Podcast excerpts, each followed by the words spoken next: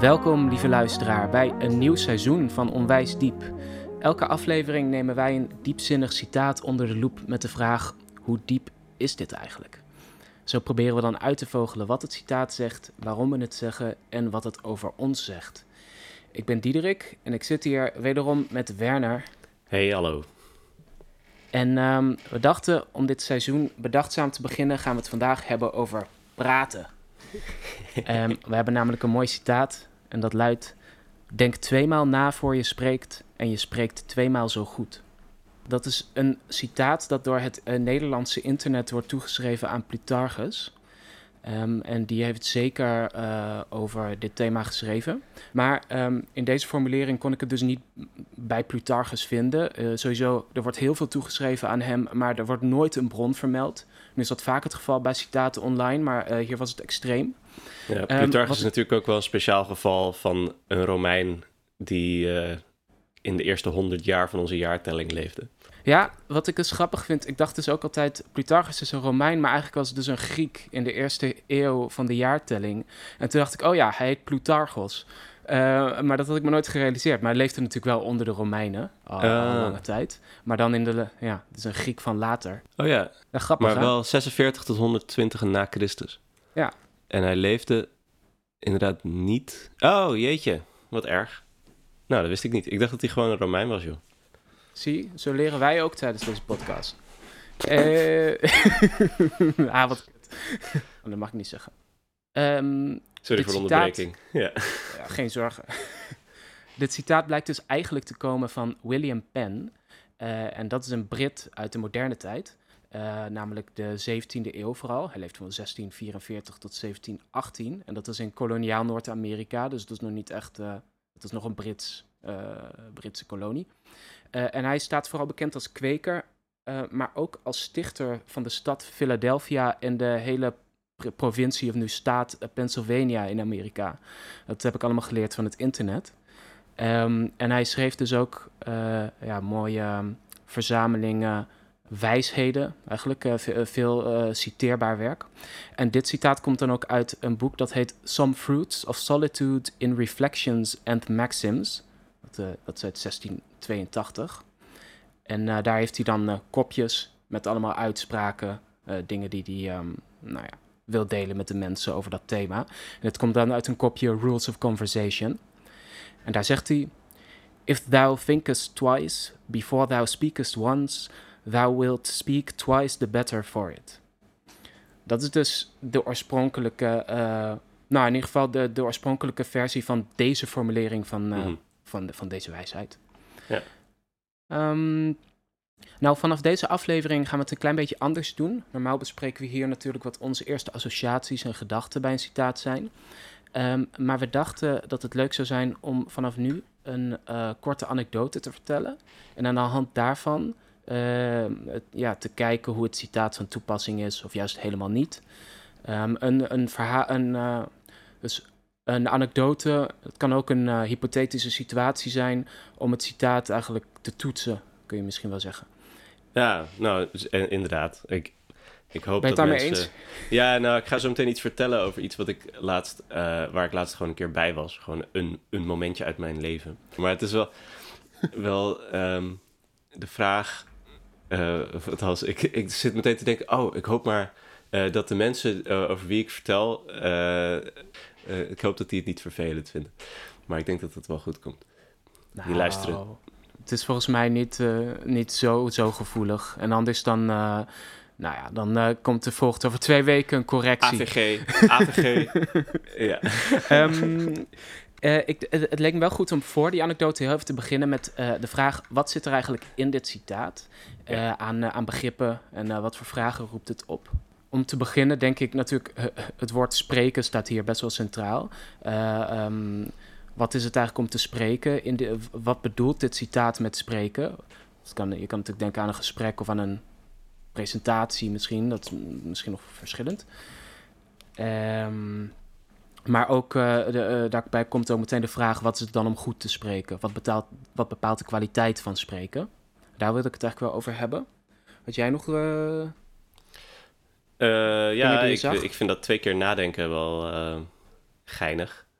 Ben wel benieuwd wat die eerste keer en die tweede keer nadenken zou zijn en of het dan van elkaar verschilt. Ehm, en ik ben ook wel benieuwd of nadenken inderdaad ervoor zorgt. Want ik voel al aan mijn water dat dat eh, eh, eh, misschien wel moeilijk wordt. Om twee keer over iets na te denken en dat je dan ook echt beter ervan spreekt. maar dat gaan we zien. Misschien überhaupt dat wat het eigenlijk is om te denken terwijl je spreekt. Ik bedoel, denken is niet zo niet zo eenduidig of makkelijk te begrijpen. Zeker niet wanneer je verwikkeld bent in een gesprek. Waar vindt het denken precies plaats? Dus dat, dat, uh, dat vind ik wel mooie vragen. Ja, ja, nou dat weten we nog niet. Ik ben, ik ben, ik ben benieuwd. Wil jij ehm, mij iets vertellen? Ja, zal ik... Oké, verhaaltje uit Werners leven. Uh, enigszins onbeduidend moment misschien. Um, ik was laatst in een uh, vergadering waarbij een, nou niet een vergadering, een, eigenlijk een gesprek met, een, met wel iets van acht mensen of zo in de ruimte. En uh, met wat filosofie-collega's van mij, waarvan er eentje aan de universiteit werkt. En die vertelde uh, dat zij in de voorgaande jaren. Uh, er was gewoon een verhaaltje aan het vertellen over de leven van twijfel waar ze mee zat. ze had in voorgaande jaren een vak ontwikkeld voor de universiteit. Dus met PowerPoints en volgens mij ook materiaal en, en uh, zeg maar de opzet van dat vak had ze helemaal uh, bepaald. In de tijd dat, waar, waar ze eigenlijk alleen maar betaald werd om de werkgroepen te geven.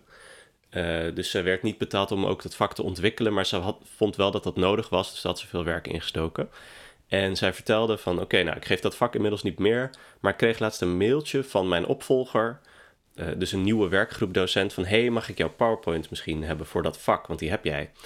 Um, en uh, waarschijnlijk was, had de universiteit of de coördinator van het vak gezegd... oké, nou ja, voor de PowerPoints, die hebben we gewoon. Die stuurt jouw voorganger je wel toe. Maar um, dat is natuurlijk nooit zo afgesproken. En uh, ze twijfelden daar dus over van oké, ik wil graag mijn opvolgers wel helpen, maar uh, ik heb des, destijds ook geen compensatie gekregen voor het ontwikkelen van die dingen. Dus het is eigenlijk van mij en niet van de universiteit. Uh, dus um, moet ik dan uit de goedheid van mijn hart dit wel of niet nou, doen? En een andere filosofiecollega in dat gesprek, die onderbrak haar en die zei, die praatte ook best wel ietsje harder of zo. dus ik, ik heb dat een beetje geïnterpreteerd als dat hij er fel onderbrak. Uh, en zei zoiets als: uh, Nee, je moet het niet geven. Uh, het zijn jouw PowerPoints. Echt typisch dat de universiteit jullie als docenten zo tegen elkaar uitspeelt. Alsof het jullie probleem is. laat ze er maar voor betalen. Um, en ik, dat zei hij niet precies in die woorden, maar ik denk het ging ongeveer zo. Um, en ik zelf uh, zat aan de andere kant van de tafel en ik zei maar niets, want ik dacht, oh, dan moet ik hard gaan praten. En ik wist ook nog niet zo goed hoe ik daar nou over dacht, want ik heb ook zelf wel eens dat soort situaties meegemaakt. Ik vind het bijvoorbeeld heel behulpzaam als er ergens al PowerPoints van zijn, want dan kan ik heel makkelijk een vak geven. Maar, uh, nou, uh, het is ook, hij had ook wel een punt. dat, dat, je, dat je een of ander systeem waarbij het vanzelfsprekend is dat mensen werk doen waar ze niet voor betaald worden. En dat, dat de universiteit dat dan mag hebben of zo. Dat, dat hou je dan in stand. Dus ik snapte dat ook wel een beetje. Maar goed, ik was er nog over aan het nadenken. Uh, van wat nou precies mijn mening daarover was. Uh, dus dat is, dat is het verhaal. Uh, en ik dacht, dit past misschien wel bij het citaat, omdat hier is iemand die um, best wel goed sprak. zonder dat ik op het eerste oog zou zeggen dat hij daarover heeft nagedacht. Dat voelde echt als een soort duidelijke, bijna nou, boos is een groot woord, maar wel een felle reactie. Uh, die uh, duidelijk vanuit het hart kwam, zeg maar. En niet uh, vanuit een overwogen standpunt of zo. Hij was echt fel over, overtuigd van iets en zelfverzekerd. En daarmee was hij ook best wel overtuigend. dus ik vond hem een goede spreker die niet tweemaal had nagedacht. Ik denk dat dat mijn, um, mijn korte ja. mening over, het, over de anekdote is. Wat denk jij uh, nu, je, nu je dit zo hebt gehoord? Weet je het met mij eens? Ja. Vind jij ook dat hij goed, zeg maar, jij was natuurlijk niet bij, maar vind je dit een voorbeeld van goed spreken of moeten we daar aan twijfelen? Ja, leuk, want je hebt echt, uh, je zegt eigenlijk, het is een, um, uh, er is niet nagedacht in dit citaat. Uh, omdat hij, natuurlijk ook omdat het zo direct ging. Je zei het is fel, maar hij, hij, hij haakt een soort van in op het verhaal. En zegt er was eigenlijk geen tijd om na te denken. Dus in die zin, ja. uh, dat, is, uh, dat is leuk. En je zegt hij sprak goed omdat hij, um, of je zou kunnen zeggen dat hij goed sprak omdat hij ook omdat hij overtuigend was. Ja. Dat is interessant. Dus dan, dan, eh, eh, dat is een mogelijkheid. Dus goed spreken betekent misschien eh, overtuigend spreken. Eh, dat vraag ik me af. Ik denk dat, je dat, eh, dat, dat we daar best wel eh, over kunnen praten. Oké, ja. Dus was het... En- zullen we daarmee beginnen? Laten we daarmee beginnen. Dat vind ik een goed idee. Wat is dat goed spreken eigenlijk? We hebben één optie. Goed spreken is overtuigend spreken. Maar misschien kun je ook wel een, tweede, ehm, een, een tweede definitie van goed spreken uit, uit deze situatie halen. En denken goed, goed spreken is ehm, eh, zeggen wat je hart je ingeeft of zo. Omdat die natuurlijk Ja. meteen... Eerlijk spreken. ehm, eerlijk Zo. spreken, Ja. ja. Ja, en, dat, en ik denk wel dat dat ook eh, dat dat bijdraagt. Want ik denk dat hij dat allebei wel deed. Eh, en juist doordat iemand eh, eerlijk spreekt, ehm, word je ook overtuigend. Dus ik denk wel dat die twee samen kunnen gaan. Maar het is nog, bedoel, ten derde is nog maar de vraag of, of ehm, zeg maar, ik zou in zo'n gesprek heel veel overwegingen hebben van, goh, eh, ik zou bijvoorbeeld ehm, nieuwsgierig zijn naar hoe, hoe die eerste collega, eh, hoe zij daar zelf over denkt, wat ze moet doen. Ehm, of eh, ik, ik zou helemaal nog niet weten, zeg maar, ik zou meer over de situatie willen weten, geloof ik, voordat ik daar überhaupt een oordeel over vel. En het is juist een soort van, in ieder geval overtuigend en retorisch best wel sterk, om, om wel al meteen een oordeel te hebben. Te zeggen, ik snap meteen hoe dit zit, het zit zo. En eh, ik, ik denk ook dat hij waarschijnlijk, heeft hij ook wel gelijk. Ehm, eh, alleen ik zou dat zelf nooit zo stellig meteen durven doen, omdat ik er dan nog over aan het twijfelen zou, zou zijn. Ja, dus volgens mij heeft hij goed gesproken. Ehm, ook in termen van waarheid. Eh, want het klopt wat hij zegt. En het voelt wel als iets wat hij al wist. Zeg maar, waar hij wel misschien al eerder over had nagedacht. Dat Want is een goed punt. Want we zeiden natuurlijk net, eh, er is niet tweemaal nagedacht omdat hij meteen sprak. Maar eh, je kan ook zeggen, hij kon meteen spreken omdat hij eerder al had nagedacht. Dus misschien zat er altijd al ehm, twee keer nadenken. ehm, eh, ging er altijd al twee keer nadenken aan het spreken vooraf. Maar gaat dat niet per se, gebeurt dat niet per se direct voor het, voordat het spreken begint? Hmm. Ehm, Ja, want eh, zou je zeggen dat er dan inderdaad twee keer nadenken is geweest? Dat vraag ik me wel af. Oh, je zou kunnen zeggen, dan hebben we het over de eerste keer nadenken. Bijvoorbeeld nadenken over een thema, weten wat je ervan vindt. En ehm, eh, wat, wat Pen zou zeggen hier met het citaat is... hij had aan het eind van het verhaal van die eerste collega... nog een tweede keer moeten nadenken eh, om te bepalen... hoe hij daar het best op in kon gaan. Ehm, terwijl hij juist één keer heeft nagedacht... en toen meteen sprak toen hij iets hoorde van die dacht... eh, hier kan ik dat even kwijt. Ja, want, want, ja, eh, waar, want waar heeft hij dan... eh, waar is het nadenken hier in het verhaal gebeurd? Niet op het moment dat hij sprak, Nee. maar vroeger toen hij zijn marxistische theorie aan het leren was of zo, eh, bij wijze van spreken. Dus Ja, in ieder geval, misschien, ja. Ja, misschien zelfs die ochtend toen hij nadacht over, de, over het onrecht eh, aan de universiteit. En toen kwam die middag, hoorde hij eh, eh, een, eh, een collega daarover praten. En daarom had hij het meteen paraat. ja. En, Dus dan, wat betekent dat dan? Nadenken is een mening vormen ergens over. Dus ergens over nadenken en, en daar dus blijkbaar ook iets van vinden. Ja, dat is wel, eh, dat, ja, n- dat is op zich wel een goede samenvatting van, mijn, eh, eh, van hoe ik het nu interpreteer. Eh, zijn er andere mogelijkheden? Of dat is eigenlijk een beetje, je, je zegt het aarzelend, dus ik vraag me af, misschien is dat geen goede definitie van nadenken, of misschien is het te beperkend. Eh, dus van nadenken is een mening vormen. Nou, Eh, ja, dus dan, wat is dan, is de tweede keer nadenken ook eh, opnieuw een mening vormen? Dus ik kan me voorstellen dat je bij dit verhaal zegt, hij heeft goed nagedacht eh, over waarom dit wel of niet, dit soort eh, situaties wel of niet onrechtvaardig is. mhm. Ehm, want eh, dus de eerste keer nadenken was boeken lezen van Marx en andere ongelijkheidsbestrijders. Ehm, en dan zou de tweede keer nadenken op het moment zelf in het gesprek zijn, waar je dan even stilhoudt om te bedenken: goh, is dit een situatie die valt eh, onder de theorie die ik ken of zo? Zijn mijn overtuigingen hierop van toepassing? Als iemand een verhaal had verteld over, eh, over, over hun kat, dan eh, was, was hij niet zo fel gegaan over of hij wel of niet goed voor die kat moet zorgen of zo. want hij heeft zijn overtuiging vooral. hij heeft in ieder geval zijn theoretische onderbouwing heeft hij in het marxistische gedachtegoed zitten of zo. Ja, dat vind ik wel interessant, omdat je dan eigenlijk uh, zegt, zo'n tweede denkmoment zou een, uh, uh, geeft een soort mogelijkheid om te bepalen um, hoe je je spreken op een situatie afstemt. En de vraag wordt dan, want eerder hadden we een beetje de definitie van goed spreken, dat is zelfverzekerd of overtuigend spreken. En zelfverzekerd of overtuigend spreken is bijna zoals een presentatie geven voor een publiek. Het is iets uh, waarin mensen passief luisteren en iets aannemen.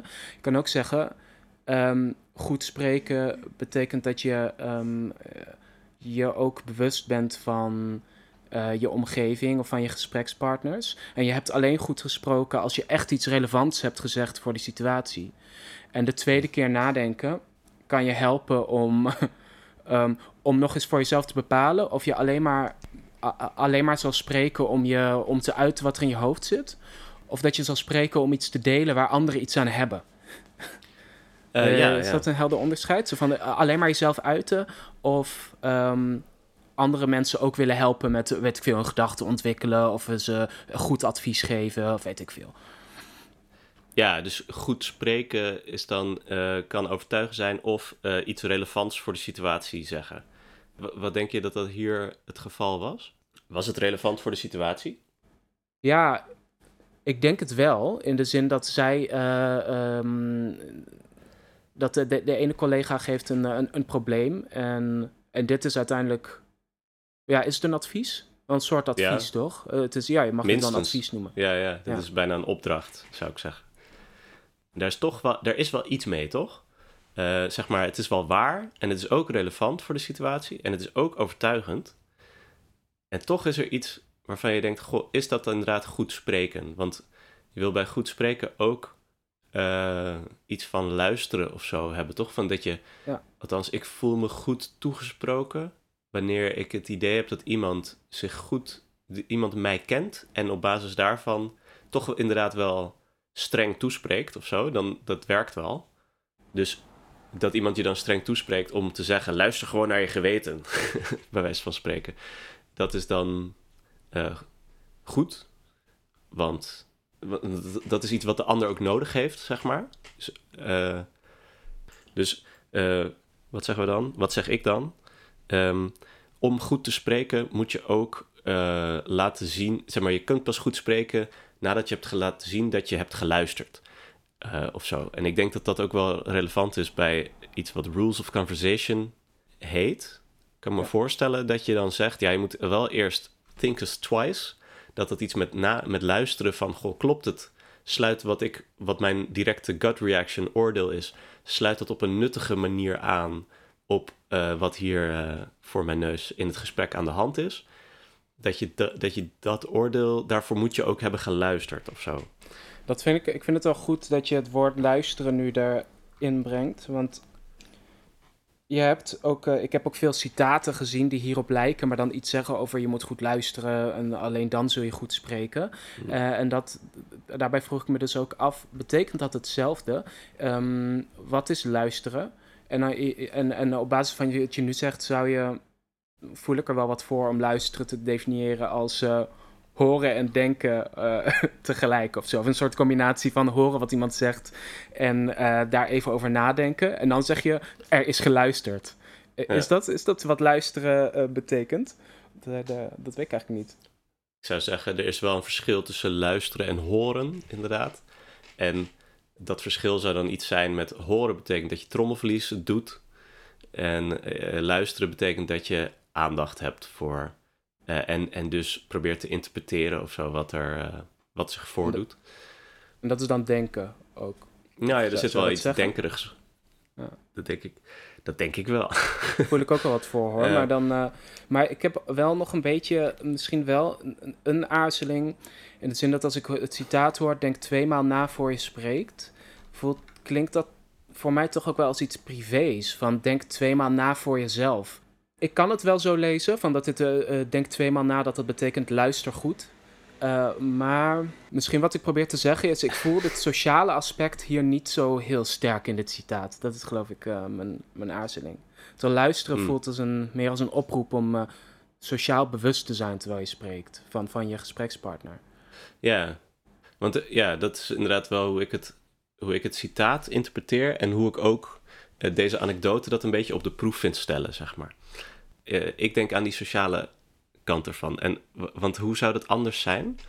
Eh, even eh, misschien bij dit voorbeeld. Ik zei dus, ehm, deze filosofiecollega heeft waarschijnlijk in een eerder, dus degene die fel is, ehm, die heeft waarschijnlijk in een eerder stadium een één keer nagedacht. Misschien wel in ieder geval één keer goed nagedacht, laat zo zeggen. En vanuit dat goed nadenken ontstaat nu een soort vrij directe gut reaction.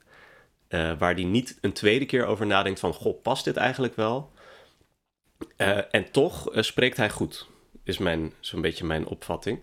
Ehm, en jij zou zeggen dat tweede keer nadenken, wat, wat zou dat dan hier zijn? Als het niet is, past het bij de situatie?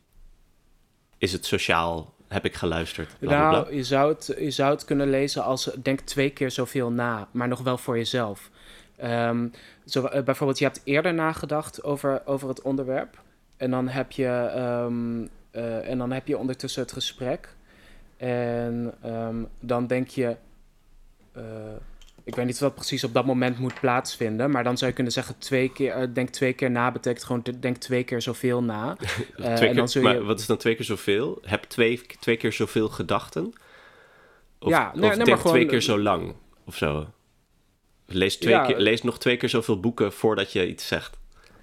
Bedoel je dat? Eh, ja, nou ja, ik zou zeggen, d- d- het zou kunnen betekenen, denk gewoon, denk goed na. Ik kan bijvoorbeeld ook zeggen, het, ehm, het opkomen van de gedachte van iets wat je zou kunnen zeggen, dat is even nadenken. Eh, dat is een eerste keer nadenken. En daar even op reflecteren, dat is de tweede keer nadenken. Maar dat is allemaal nog wel, het heeft nog niet zoveel met luisteren te maken, maar meer met weten wat je eigenlijk wil zeggen en eh, dat vervolgens ehm, bijvoorbeeld nadenken over hoe je dat goed voor jezelf kunt formuleren. Hmm. En als je dat dan hebt gedaan, dan zul je beter spreken. En dan, eh, dus dan zou de definitie zoiets worden als coherent spreken. Goed spreken is coherent spreken, Hmm. eh, omdat je er eh, één keer over na hebt gedacht. Dat is de gedachte die opkwam. En een tweede keer om, om even te bedenken hoe je, daar, hoe je die goed onder woorden kunt brengen. Juist. Ja, dus meer niet nadenken over is, het, is het relevant voor de situatie of is het, past het? Maar je vraagt, eh, ehm, het is een vraag van compositie als het ware. Van hoe, Ja. eh, hoe moet ik mijn woorden zo neerzetten dat mijn gedachte op de juiste manier eh, overkomt op de andere. Ja. Ja, want zo kun je deze situatie ook lezen. Misschien. nou, dan- nee, dan zei hij sprak direct. Maar misschien had hij wel ergens, terwijl zij aan het vertellen was, was hij zijn, zijn zin aan het componeren. En vond je hem daarom zo overtuigend en zelfverzekerd Hmm. klinken? Omdat hij toch. Ja. ik weet, ja, misschien wel. Eh, maar ik zou dan... Dus ik denk dat ik zou zeggen... eh, hij eh, heeft ook dat... Hoe hij het moet formuleren... heeft hij al eerder bedacht. En dat hoort gewoon bij die eerste keer nadenken... wat ik nu de eerste keer nadenken heb genoemd. Want telt als één denkmoment. nou, ik vind het lastig om te zeggen... je hebt eerst de gedachte en daarna... als een soort van vormloze blob zonder woorden... en daarna moet je de juiste woorden kiezen uit je, uit je vocabulaire... om het in te gieten, zodat het mooi glimt of zo... wanneer je het uitspreekt.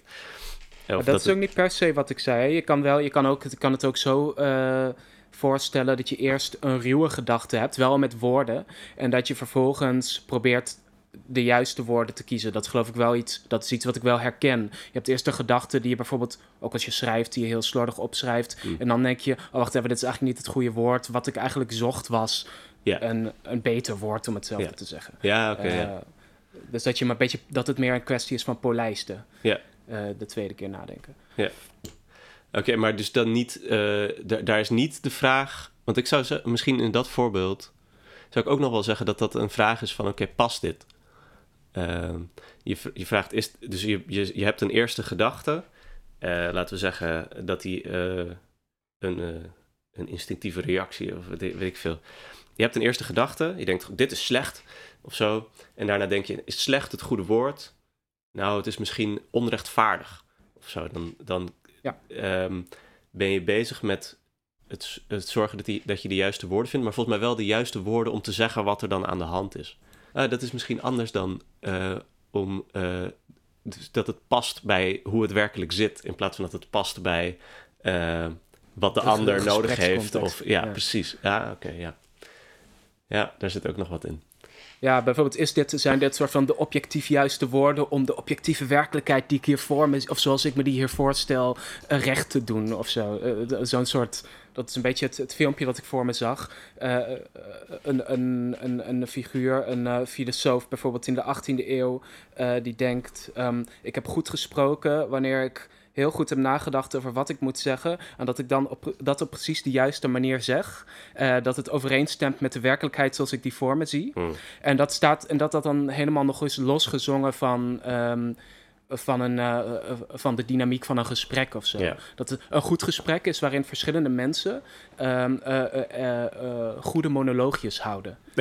Die een soort van associatief op elkaar inhaken. En geef toe, dat is wel hoe vaak filosofische gesprekken, zeker publieke gesprekken, verlopen, toch? Ja, Omdat het en- is van, maar- oh ja, dit heb ik ook wel een keer over nagedacht. En dan komt het gepolijste verhaal van hun eigen eh, theorie over dat onderwerp. ja. En, en, en, dan komt, want zo gaan onze podcasts misschien ook nog wel eens soms.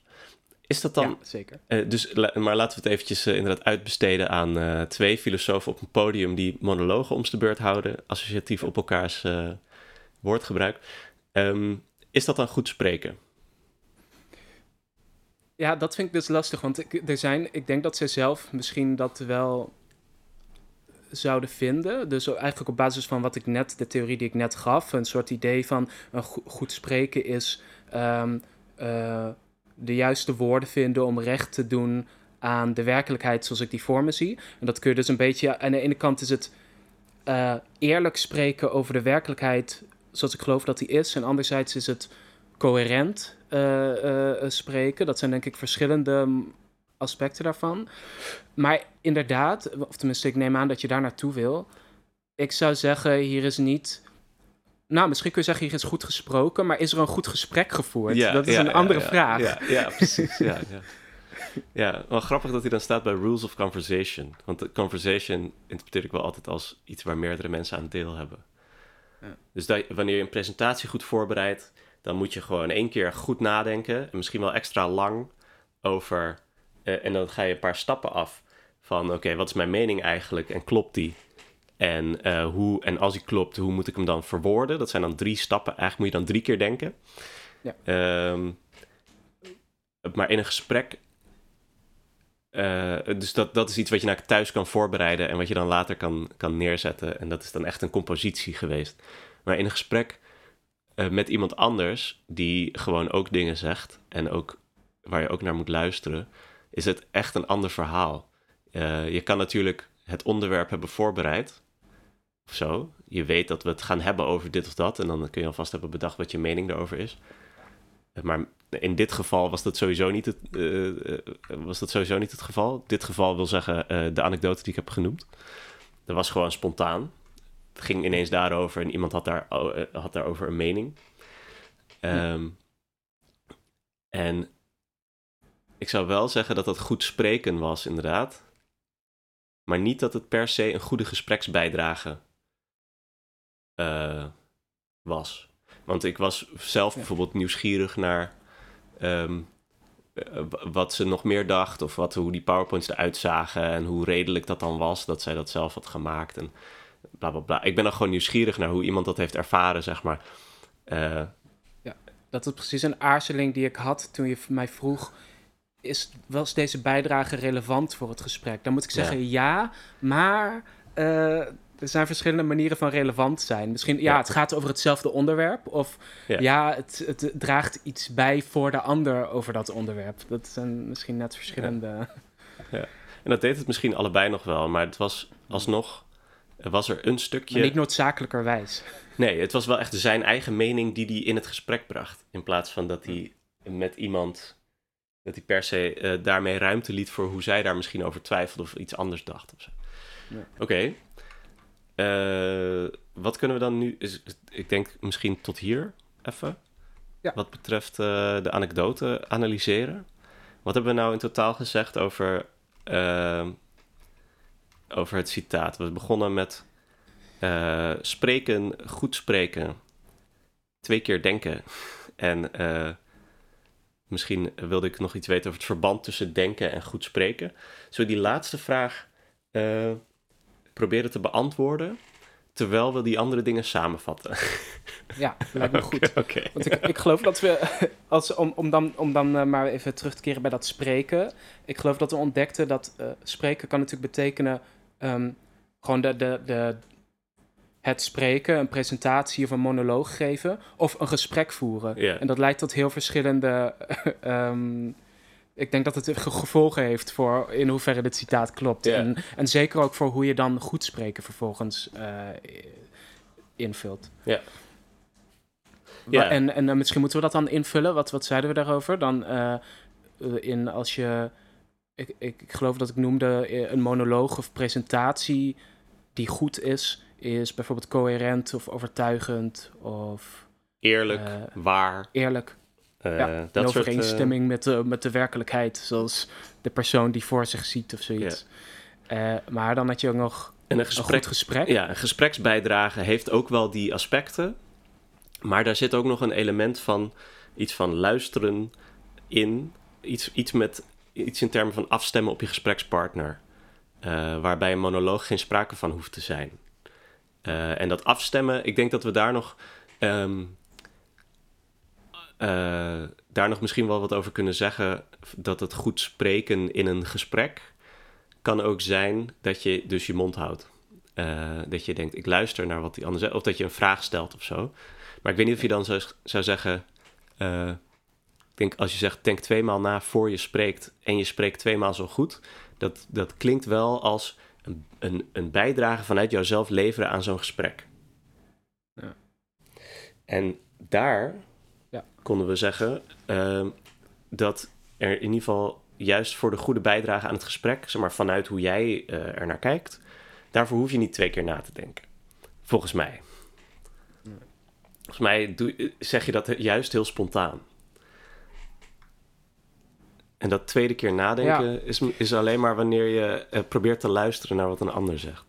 Vind je dan dat dat wel voldoende in dit citaat wordt gesuggereerd door die tweede keer nadenken? Of denk je, wat denk jij? Zit het, eh, eh, want op zich moeten we misschien wel toegeven op, op basis van de context van het citaat dat je zegt rules of conversation. Dat ze zegt, dat nodigt misschien wel uit om dit dat tweede denkmoment te interpreteren als luisteren.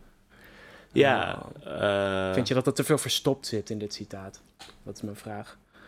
Ehm, nou, ik denk dat eh, wat het citaat impliceert is... soms dan moet je dus niet eh, spreken. Je moet twee keer nadenken voor je spreekt. En je spreekt tweemaal zo goed. Eh, misschien zeg je wel twee keer zo weinig... maar je zegt wel alleen de relevante dingen. Dus de, de eerste keer nadenken is eh, bedenken wat je gedachte is... en wat je mening is... En de tweede keer nadenken is, eh, past het? Is dit inderdaad op dit moment eh, de goede gespreksbijdrage? eh, of of klopt dit wel? In ieder geval het momentje waar je even stil moet houden. Waar je dus niet een mening, een gedachte in je opkomt. Maar waar je naar die gedachte kijkt en hem beoordeelt voordat je aan het gesprek deelneemt. Maar ik denk dus wel, en dan komen we bij die vraag van... is er nou een verband tussen denken en goed spreken? Volgens mij is dat het dus niet. Er zijn gewoon momenten in het gesprek waarbij je niet tweemaal moet nadenken, zodat je wat bijdraagt aan het gesprek. En ik denk wanneer je tweemaal nadenkt voor je spreekt, dat je dan heel vaak niet spreekt. Ja, want je kan zeggen, het, eh, ik denk de voor de hand liggende, of een voor de hand liggende lezing is dat het, het niet spreken. Dus laat zeggen, je hebt mo- eh, steeds in een gesprek momenten dat je kunt kiezen, ik denk of ik spreek. Ja, En eh, hij zegt, oké, kies steeds twee denkmomenten en dan één spreekmoment. In plaats van bijvoorbeeld drie spreekmomenten of één denkmoment en twee spreekmomenten. Want dan gaat de kwaliteit van die momenten dat je spreekt omhoog door het denken. Eh, en misschien zeg je ook wel daardoor geen dingen waar je spijt van zou kunnen krijgen of geen domme dingen. Eh, en daardoor gaat de algehele kwaliteit omhoog. Maar je kan ook zeggen dat suggereer, dat, stel jij nu voor, misschien mis je daardoor ook wel eh, mogelijkheden om goed te spreken, om op het juiste moment in te haken. Uh, Precies. Nou, mijn, dus ik heb tijdens dat hele, ik heb zelf tijdens dat hele gesprek, die hele interactie tussen die twee andere collega's, heb ik zelf helemaal niks gezegd. omdat ik, denk ik, bezig was met twee maal of drie maal mezelf te bevragen: Goh, is de gedachte die ik nu heb, klopt dat? En eigenlijk was iedere keer als ik dat inderdaad had bedacht: van oké, nou dan ga ik dit wel zeggen, was het alweer verder. Uh, het gesprek. Dat ging dan weer, was alweer een paar stappen verder waar ik dan op had moeten reageren. Waardoor ik überhaupt niet aan toe kwam om bij te dragen aan het gesprek. Um, dat dus... vind ik een verrassende en leuke conclusie. Sorry, maar maak ja, hem af. Ja. Nee, ja. Wat, wat is de conclusie? Nou, dat je uh, eigenlijk zegt, jij hebt de hele tijd gezwegen en daardoor was je een slecht spreker, tot op zekere hoogte. Omdat je misschien ook kansen hebt gemist om iets bij te dragen aan het gesprek. Waarmee je dus ook je voor... Um, en wat ik daar leuk aan vind, is dat je zegt uh, dat je het zwijgen wanneer er een gesprek gaande is en je bent deel van dat gesprek door er echt bij te zitten, betrokken te zijn. Um, daarin is het zwijgen ook echt iets wat je doet.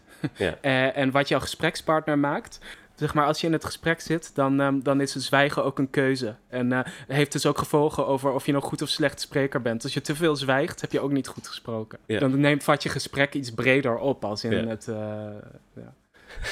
de, stiltes zijn natuurlijk ook heel. Kunnen natuurlijk ook heel. Um, heel veelzeggend zijn in die zin. Ja. Uh, Not my battle. Of ja. Right. Ja. precies. En, en, dat, en dat kan dus ook.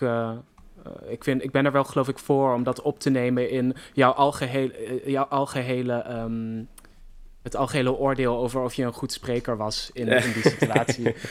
Oké. in ieder geval, dat, ik, ik sta wel open voor die mogelijkheid. Oké. Okay. Uh, Dankjewel. Uh. Oké, bedankt dat je even naar me hebt geluisterd. ja.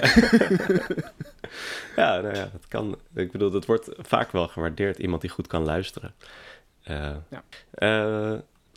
hey, maar klopt het dan? Het citaat? Nee. Uh, ja. Nee. Nee, ja, nee. Nee. Jijn. um, ja, ik denk in de. Um, en dat hebben we misschien niet echt, echt benoemd, maar misschien de eerste situatie waaraan ik dacht bij dit citaat was een soort. Uh, um, misschien de heel, heel voor de hand liggende situatie voor mij is waarin je iets uh, um, mogelijk kwetsend wil zeggen en beter één keer na kan denken uh, over of het goed is om dat te zeggen en, en dat je dan besluit om dat niet te zeggen. Um, ik geloof dat dat wel bevorderlijk is voor de kwaliteit van een gesprek. Dus in die zin uh, kan twee keer nadenken zeker leiden tot. Nou, ja, nee, misschien dus niet. Leidt het tot beter spreken? Niet per se. Het leidt gewoon tot een betere situatie. Uh, om, hmm. geen, om, om, twee keer na te denken zodat je geen domme dingen zegt. Maar leidt niet, heeft niet per se gevolgen voor hoe goed ik spreek wanneer ik spreek, denk ik. Nee, dus wat dat betreft, ik denk dat ik het er niet mee eens ben. Nee, nee ik heb ook het idee dat in ieder geval als het gaat om de compositie. Dat was een thema dat we, we hadden besproken. Hoe langer ik ergens over nadenk, hoe slechter ik het uiteindelijk verwoord, heb ik altijd het idee. Ehm, en, en dat heeft ook, ook wel gevolgen voor hoe goede gesprekspartner ik ben, denk ik. Uh, Oké, ik denk ook dat wat, wat er. Um, wat, wat ik vind de, de aanmoediging, zeg maar, het klopt niet inderdaad. Het citaat klopt niet. Het is niet, niet zo dat als je tweemaal nadenkt voor je spreekt, je tweemaal zo goed spreekt. En dat, ja, dat, dat strikte verband. Dat is ja, en dat komt inderdaad omdat, uh, omdat um, wij het hebben geïnterpreteerd in een gesprekscontext. Wat niet zo gek is, want dat is ook zijn thema, zijn rules of conversation. In een gesprekscontext spreek je helemaal niet, dan ben je in gesprek. Eh, spreken is een monoloog houden en eh, zeggen eh, hoe het zit. En natuurlijk, natuurlijk kan dat wel in een gesprek een rol hebben. Dat je zegt, dit is wat ik ervan vind, bla bla bla. Maar meestal moet je daar dan juist niet over nadenken. Ehm, want dat houdt het gesprek tenminste een beetje interessant. Eh, Ja. eh, dus, eh, maar dus als er zou hebben gestaan, denk tweemaal na voor je spreekt en je bent een tweemaal zo'n goede gesprekspartner, dan denk ik dat het wel klopt. Dus we zijn een beetje door dat spreken, denk ik, bij de neus genomen. Ehm, Oké, dus, dus het klopt, zoals het er staat, klopt het niet.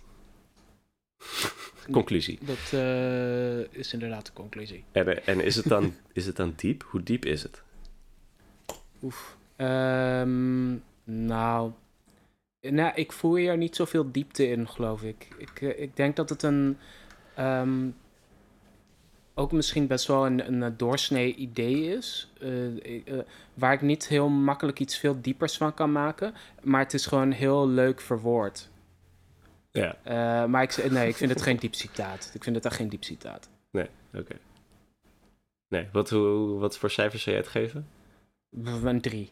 Drie. Op diepte. Zo, Ja, op diepte vind ik het een, eh, een 3. Op zich, als je het hebt over de vorm en of het een mooi citaat is, dan vind ik het een 7 of zo. Maar eh, onwijs diep, diepgang, nee, een 3. oké. Ik had zelf zat te twijfelen over een vier of zo. Maar het is inderdaad niet voldoende. Nou, 4 mag ook wel hoor. Vier. Ik bedoel, Ja. 3 of 4 vind ik Drieënhalf. eh, het is mij om het even. Oké, Oké. cool. Ehm, nou, mooi. Dan eh, eh, weet jij dat ook weer, lieve luisteraar. Over twee weken zijn we bij je terug met een nieuwe aflevering. Ehm, en heb je nou zelf nog een goed idee, een mooi citaat dat je hebt opgeschreven? Stuur dat dan vooral naar ons Ja, op of de- onderwijs. Of denk er nog even twee keer over na. Oh ja, dat is ook een goed idee. Eh, nou, maar ik denk dat dat al wel eens gebeurt, toch? Zeker wanneer je, wanneer je per e-mail gaat communiceren, dan... eh, dat e-mailadres, waar alles naartoe mag, eh, luidt onwijs.diep.protonmail.com. Dat vind je ook wel ehm, eh, bij de afleveringen, in de beschrijving. Je kan ons ook vinden op Instagram. Die wordt met veel liefde onderhouden door Werner. Mooie foto's, professioneel geëdit. Ehm, en, en ik wil je heel hartelijk bedanken voor het luisteren. En eh, hopelijk tot de volgende aflevering.